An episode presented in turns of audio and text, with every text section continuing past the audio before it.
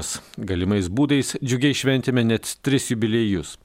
Pirmasis tai 95 metų arkiviskupijos įsteigimo sukaktis.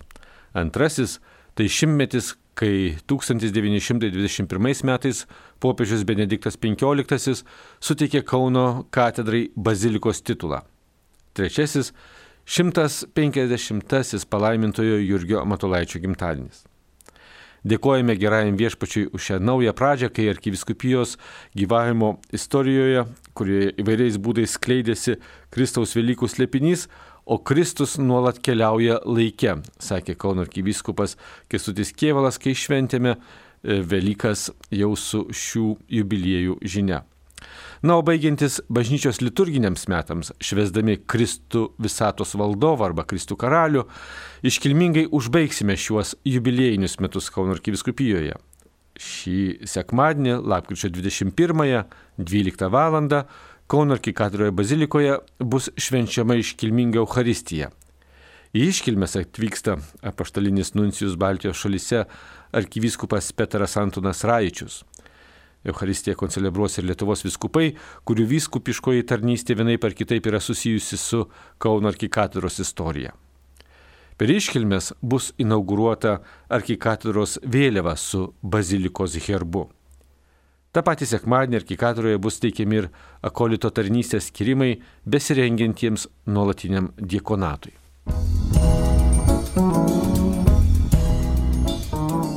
Kauno arkiviskupijos sinodinio kelio susitikimų moderatoriai, kuriuos jau išsirinko parapijos ar kitos bendruomenės, praėjusi ketvirtadienį, penktadienį ir šeštadienį vakarais rinkosi į mokymus Kaune, Kedainiuose arba Šiluvoje, pasirinktinai, kuriems buvo arčiau.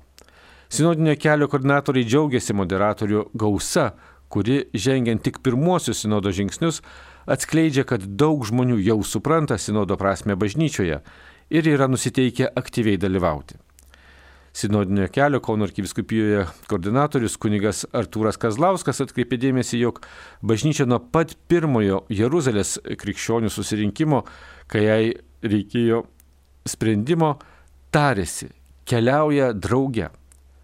Tai yra sinodas, kai nei vienas nėra per mažas, per kvailas ar negabus, ar labiau tinkamas.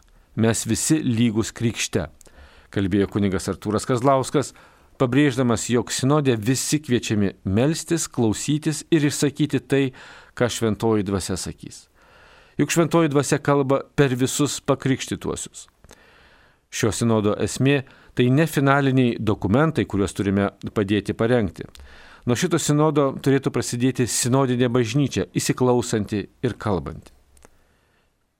Apie medžiagą, priemonės, svarstymų temas su moderatoriais kalbėjusi sinodinio kelio koordinatorė Vaidas Pangelčiūtė Knyžienė. Ji pabrėžė, jog šiame kelyje mokomės kalbėtis ir tarpusavyje ir su likusia bažnyčios visuomenės dalimi. Moderatoriai gali pakviesti kalbėtis ne tik parapijoje veikiančias grupės, bet ir surenkti atvirus susitikimus, susitikti ne bažnytinėje erdvėje su esančiais toliau nuo bažnyčios. Popiežius Pranciškus ragina išgirsti visus. Pokalbio organizavimą pristatęs Kauno arkiviskupijos sinodinės grupės narys, karito vadovas Arūnas Kučikas, drąsino kurti susitikimo atmosferą, kurioje nebūtų galima kitų pertraukti, kritikuoti ar pajuokti. Kiekvienas sinodinio sustikimo dalyvis bus svarbus. Sinodinio kelio Lietuvoje bei Kauno arkiviskupijoje vienas koordinatorių, diakonas Darius Chmeliauskas, atkreipė dėmesį, kad esame pakviesti gyventi istoriniais laikais, įgyvendinti tai, ką Vatikano antrasis susirinkimas pradėjo. Bažnyčia atranda save vis labiau ir galiausiai ateina iki savo prigimties. O sinodiškumas yra bažnyčios prigimtis, jos gyvavimo forma, stilius ir misija, citavo popiežių pranciškų diakonas. Sinodo esmė tai išgirsti, ką žmonės kalba, patiria, eidami į bažnyčią, neįdami ar nusigrėždami nuo jos. Išgirstos žmonių nuotaikos, kuo jie gyvena, jei ir nenueis labai toli iki dokumentų, bet bus aukso vertės vietos bendruomeniai, klebonams ir skatins atsiliepti. Šiomis mintimis dalyjosi diakonas.